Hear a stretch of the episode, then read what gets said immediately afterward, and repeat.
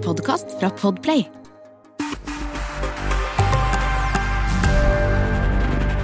Velkommen til Bli hørt, podkasten som tar for seg det unike med lyd, og hvorfor det bør være en del av mediemiksen. Jeg heter Lise Lillevold og er salgsansvarlig i Bauer Media. Og jeg er over snittet interessert i hva lyd kan bidra med for annonsørene. Dagens tema, et veldig spennende tema, syns jeg, det er neste generasjons AI. Og for å snakke om dette har jeg fått besøk av Alexander Solbakken fra Try. Velkommen, Alexander. Tusen takk. Du, i korte trekk, la oss starte der. Hva er egentlig AI? Altså, det er jo uh, AI er en samlebetegnelse på ganske mange teknologier som gjør ganske ulike ting. Eh, så når man spør sånn hva er AI, kort oppsummert så er det en datamaskin som vi har eh, klart å lære opp eh, til å gjøre noe på våre vegne. Um, et eksempel på hva jeg kan være, kan være for eksempel uh, hvis vi skal liksom dele litt opp i sånn venstre og høyre hjernehalvdeler, så har man det som heter litt sånn maskinlæring på venstre side av hjernen, da, eller litt sånn logiske løsninger. Eh, litt sånn datamaskin med øyne og øre, eller kamera og mikrofoner, eh, som kan for eksempel kjenne igjen eh, en stemme, eller et ansikt når du skal låse opp mobiltelefonen, eh, eller eh, et ansikt når du skal legge filter på i Snapchat. Altså en veldig Ja. sånn, ja, kjenne igjen uh, ting her og der. Typisk det vi kaller maskinlæring. Uh, og så er det det som har fått veldig mye oppmerksomhet i det siste, som er dette vi kaller for generativ AI. Eh, Nettopp. Da er vi med på liksom den høyre hjernehalvdelen, ja, dette vil jeg vite mer om. ja. um, så generativ AI, det er jo rett og slett AI som da kan generere eller skape, være kreativ om du vil. Og det kan være egentlig alle former for digitale medier, altså tekst eller lyd eller bilde eller video, da. Um, så det er jo eksempel bildegenerering, som kanskje noen har hørt om, typisk Midjourney, eller ChatGPT eller GPT4, som da er de største på en måte innenfor det som er tekstgenerering, da. Gud a meg. Ja, her, her er det mye. Det tror jeg er det korteste svaret jeg kan gi Ja. nesten på det òg. Ja. Men du, jeg vet at du skal snakke om neste generasjons AI på seminaret Folks medievaner 2023. Kan du gi oss noen sniketitt inn i hva du skal snakke om der? Ja, Det er jo egentlig en eh, ekstremt praktisk gjennomgang, vil jeg si. Eh, rett og slett ned på hvilken teknologi er det som finnes her og nå, og hvilke verktøy er det som bygger på den teknologien. Så eh, egentlig en veldig sånn eh, Ok, all den nye teknologien er her. Eh, den tror jeg mange har hørt om, men hva kan du helt konkret bruker den til? Særlig da inn mot eh, markedsføring, reklame, kommunikasjon, som er på en måte Trys eh, fagfelt. da. Så litt om hvordan eh, vi bruker det for kundene våre, og litt om hvordan vi bruker det inne på Try, da. Ja, Så hvordan kan markedsførerne bruke, bruke det i sin hverdag? Hjelp meg litt der, da. Ja, altså eh, Det er jo ganske Igjen, alle disse verktøyene, så er det ganske mange ting vi kan gjøre. Men hvis vi starter med liksom denne tekstgenereringa, da, Ja. eh, så tror jeg i hvert fall i Try det er ikke det at vi nødvendigvis får eh, tekstene våre ferdig skrevet av ChatGPT, men det er litt sånn det vi kaller for time to first draft. Altså eh, hvor lang tid tar det å bare ha et eller annet på papiret som man da kan eh, drodle og jobbe videre på. Eh, og det vi ser der, at det å liksom bare få om seg det et 70% ferdig resultat eh, inn der, eh, er en ganske sånn effektiviseringsboost, da. Ja. Eh, men også altså bildegenerering. Eh, jeg tror alle som har på en måte jobba på byråsida i markedsføring, kan disse pitcheprosessene og liksom ah, lage presentasjoner til kundene eh, hvor man gjerne har lyst til å eh, ja, vise noe eh, visuelt kult. Man vil at det skal se bra ut, inspirere kundene på det, de ideene man skaper, og da å kunne ha eksempel disse bildegenereringsverktøyene som Midjourney, eh, hvor vi egentlig får ganske akkurat det vi har sett for oss eh, inn i en presentasjon, i stedet for å måtte surfe gjennom eh, stokkfoto som aldri blir helt rett. Der òg er liksom Ja. ja, enda en aveny hvor vi, hvor vi bruker disse verktøyene, da. Og det høres jo helt fantastisk ut, må jeg bare si. Men uh, hvor mye bruker dere på Try nettopp denne nye teknologien? Uh, jeg vil si ganske mye. Vi har vært ganske opptatt av å egentlig pushe dette ut. At det skal være litt sånn uh, Du skal kjenne ChatGPT nesten litt på samme nivå som du kjenner Microsoft Word eller Outlook. Altså, ja. dette er et verktøy som, som vi har tilgjengeliggjort egentlig for alle på Tryhuset, og har en forventning egentlig om at alle skal ha vært innom der og i hvert fall kjenne til hvordan det fungerer. Eh, og så ser vi jo at de aller fleste har jo begynt å bruke dette. Eh, ikke nødvendigvis de som bare sitter og skal skrive tekst, eh, men igjen, altså, dette er verktøy som har ganske sånn så stor tekstforståelse at det kan brukes til alt å formatere Excel-ark eller ja, ta en programspekk og bare oppsummere den. Ofte for meg så kan det være å rett og slett bare ta veldig lange dokumenter, prøve å liksom finne hva er essensen i noen bullet points i Ja. dette, og så ta det videre. Da. Så eh, jeg vil jo si at eh, vi i ganske stor grad bruker det. I hvert fall eh, når jeg har sett en del i sånn undersøkelser og sånn nå, så blir jeg litt overraska over hvor lite utbredt det har blitt. Jeg tror jeg så noe sånn som at det er 30% av bedrifter som, som så langt i det hele tatt har, har prøvd det ut. da. Jeg tenker, eh, hva, hva, sier, hva sier eh, kundene deres eh, ved bruk av dette verktøyet? Jeg, altså, det, jeg vil jo si at kundene er jo ekstremt interessert. Um, noen, mange av de har jo kommet og spurt om vi kan hjelpe de med hvordan de kan ta i bruk disse verktøyene. Um, så der handler det jo litt om at vi faktisk skaper uh, nye verktøy for kundene våre som bruker denne teknologien i bånn, men som vi har da modifisert og, og, og egentlig ja, skapt for de kundene. Da. Um, jeg kan jo ta et eksempel på akkurat det. Ja, Gjør det. Um, Telia, uh, altså telekom-tjenesten Telia, de uh, har jo da på en måte De har et, det, de opererer i hvert fall i fire land, fem språk, eh, og har en ganske sånn tydelig det vi kaller for tone of voice, eh, som er rett og slett hvordan er den, den merkevaren faktisk skal liksom oppføre seg og snakke når de snakker til publikum, da.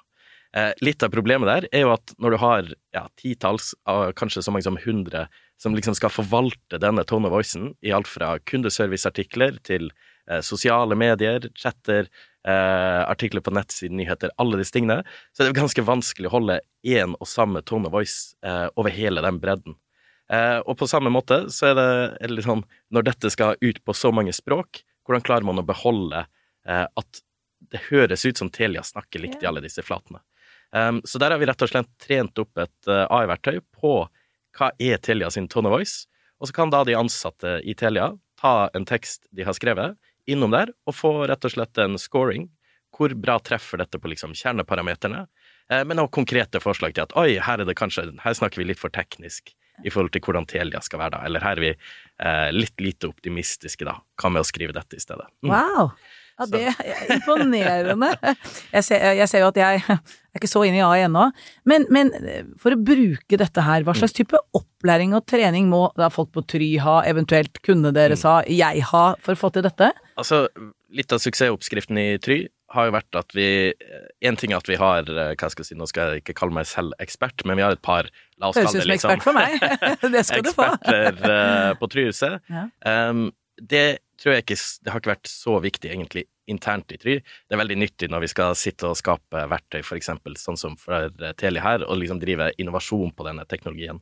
Um, det som har virkelig funka hos oss, er at vi har hatt uh, Og det har ikke nødvendigvis vært veldig tekniske folk, men det har vært folk som har hatt interesse for dette.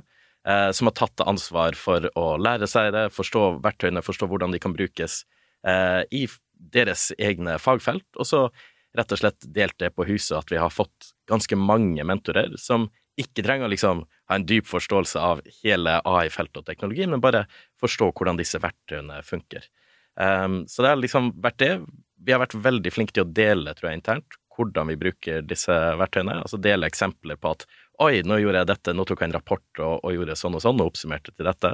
Eh, visste du at du kan gjøre det? Og så har vi også hatt for så vidt eh, en del litt sånn internopplæring, blant annet podkaster, lage podkaster med folk på Tryhuset, hvor vi da snakker om hvordan bruker du disse verktøyene i din hverdag, da.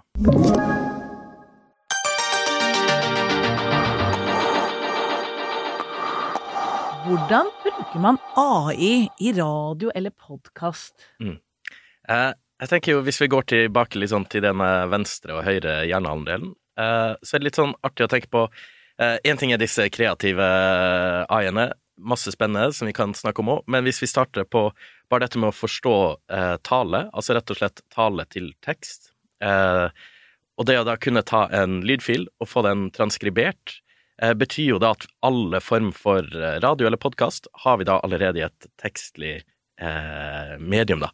Vi kan, vi kan lese en podkast plutselig om vi vil det, eh, som også gjøre at vi kan da ta denne teksten og oppsummere den, hvis vi har lyst til å få rett og slett bare en generert oppsummering av eh, hva handla denne episoden om. Det betyr òg at vi kan søke i den podkasten. Så hvis jeg husker at jeg hørte på denne podkasten, og så var det noen som sa et eller annet eh, om AI, for eksempel, så kan jeg da søke igjen alle disse episodene opp, og, og ved hjelp av tekster finne Oi, akkurat i det tidsstempelet, i den episoden, eh, så ble det sagt, da. Oi. Uh, så det, her ligger det jo noen veldig interessante verktøy, som jeg er veldig spent på hvordan eh, kommer til å liksom komme seg inn i de podkastspillerne som vi har nå. Mm. Eh, tenker det er ganske interessante muligheter der.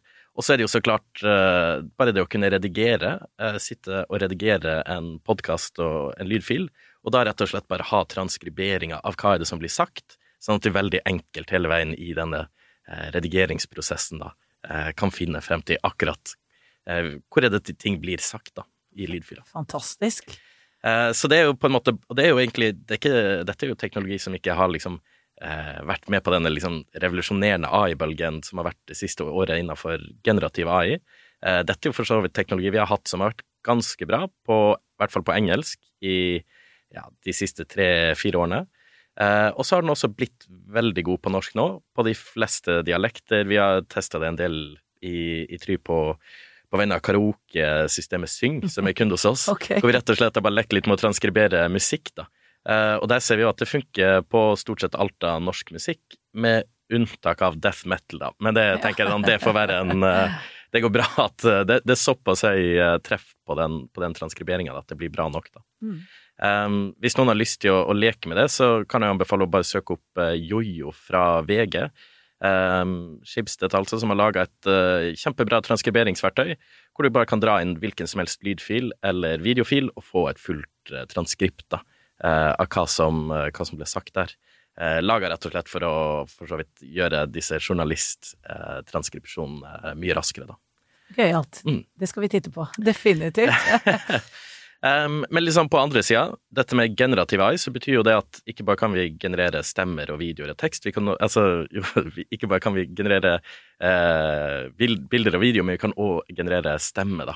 Um, som betyr at vi kan gi en Vi kan prøve å på en måte klone stemmen din. Oh. Uh, og så kan vi uh, gi den et manus og få en opplest versjon med din stemme av en tekst vi har skapt. da.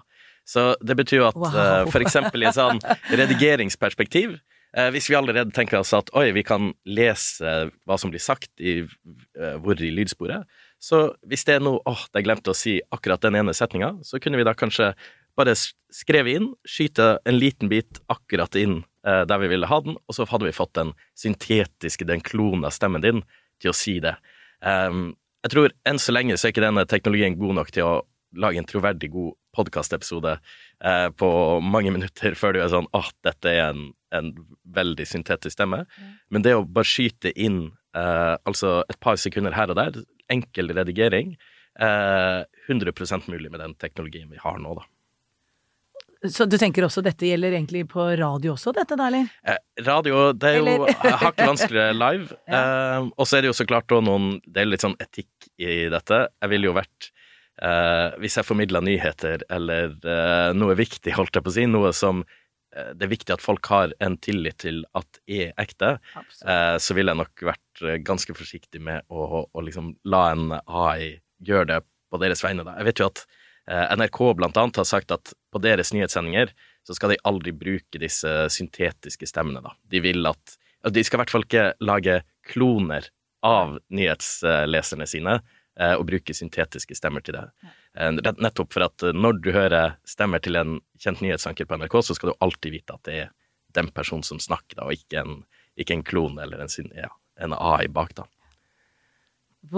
What's in it for annonsørene, for eksempel på radio og podkast? Hva kan AI bidra med der? Det er jo en, altså her får man jo da plutselig muligheten til å skreddersy innhold. Altså, med f.eks. syntetisk stemme så kan jeg få en, eh, en eh, reklame som sier eh, 'Hei, Alexander' i Try. Eh, altså rett og slett, ja. Personalisering på et, på et helt nytt nivå, da. ja. eh, men så klart, om det Her er det jo alltid en litt sånn creepy limit, jeg har vel inntrykk av i, i Try. Ofte når man liksom begynner å havne på veldig sånn datadrevne kampanjer, så, eh, så skjønner man at det er kanskje mer ekkelt enn artig om det plutselig kommer en stemme i øret ditt og, og hvisker navnet ditt og hvor du jobber. Men eh, ja. Men man kan. Man kan, man kan. Eh, teknologien eh, er definitivt der. Um, så tenker du altså det, igjen, det grunnlaget for å, å Om man da liksom skal tenke litt mer dynamisk plassering av annonser i en, i en podkast-app, igjen det å ha dette tekstgrunnlaget og kunne analysere hva er det denne podkastepisoden faktisk handler om. Ja. Eh, hvilke tematikker er det som er der? Er det noe som er rele spesielt relevant for noe de har lyst til å formidle eh, i en periode? Mm. Mm altså vi som ikke har startet helt med dette AI, mm. alle disse AI-mulighetene, hvor mener du at vi skal ta første stegen da? Hvilken oppfordring vil du gi til lytterne? Eh, hvis du ikke har eh, brukt ChatGPT i noen særlig størrelse, så vil jeg anbefale å bare neste gang man sitter med en eller annen oppgave og har litt ekstra tid, prøv å rett og slett bare gå til ChatGPT, selv hvis det er en oppgave hvor tekst er involvert. Det er jo det typisk for uh, de markedsføring. Eh, og rett og slett bare prøve å løse den oppgaven sammen med en språkmodell, sånn som ChatGPT, og bare få en liksom feeling på hva som funker. Fordi disse modellene òg, det skal sies, de virker ekstremt imponerende når man ikke har brukt de. Eh, og jo mer man bruker de, så er de fortsatt veldig imponerende. Eh, men man ser òg at det er mange steder hvor de er ganske dumme, hvor de ikke klarer å gjøre det vi vil at de skal gjøre. Og så er det mange steder hvor de kan være sinnssykt mye mer effektiv og, og uh, smartere enn oss mennesker uh, når det kommer til store mengder data, eller det å på en måte, ja, holde tusen tanker i hodet samtidig, da. Um, så jeg vil egentlig bare oppfordre deg til å prøve det. Uh, ta en liten oppgave du sitter med. Prøv å spare med ChatGPT. Mm. Hvis du titter i denne kula, da. Mm. Hvis vi ser AI, er utviklingen mm. fem-ti år fram i tid, hva, hva, hva, har AI tatt over for oss uh, da?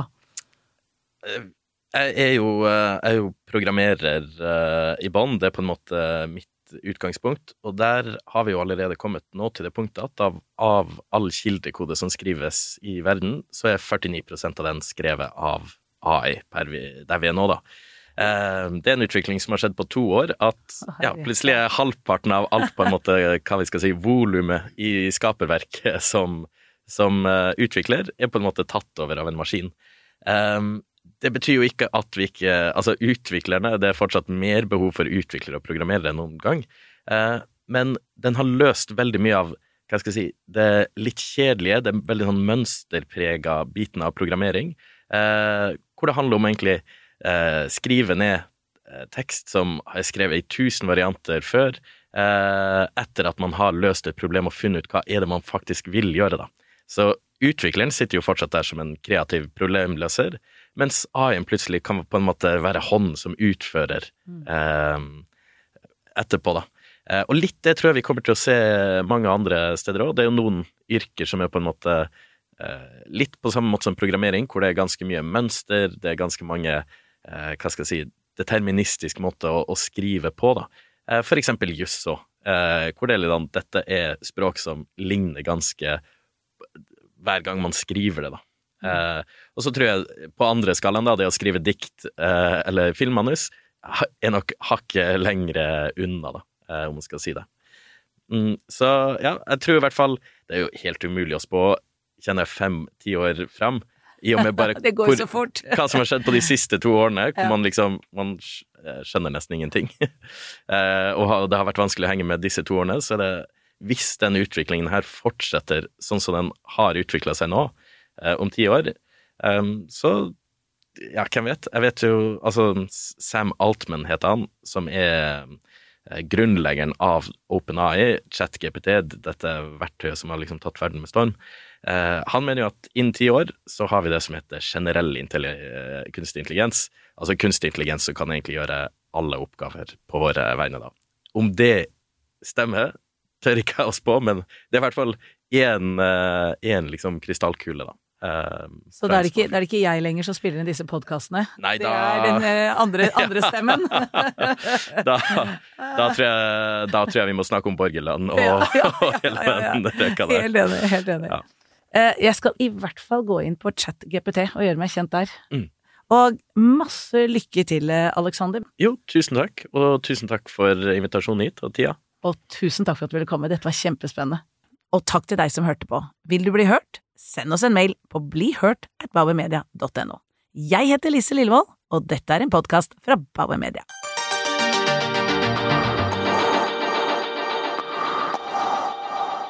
Du har hørt en podkast fra Podplay. En enklere måte å høre podkast på. Last ned appen Podplay, eller se podplay.no.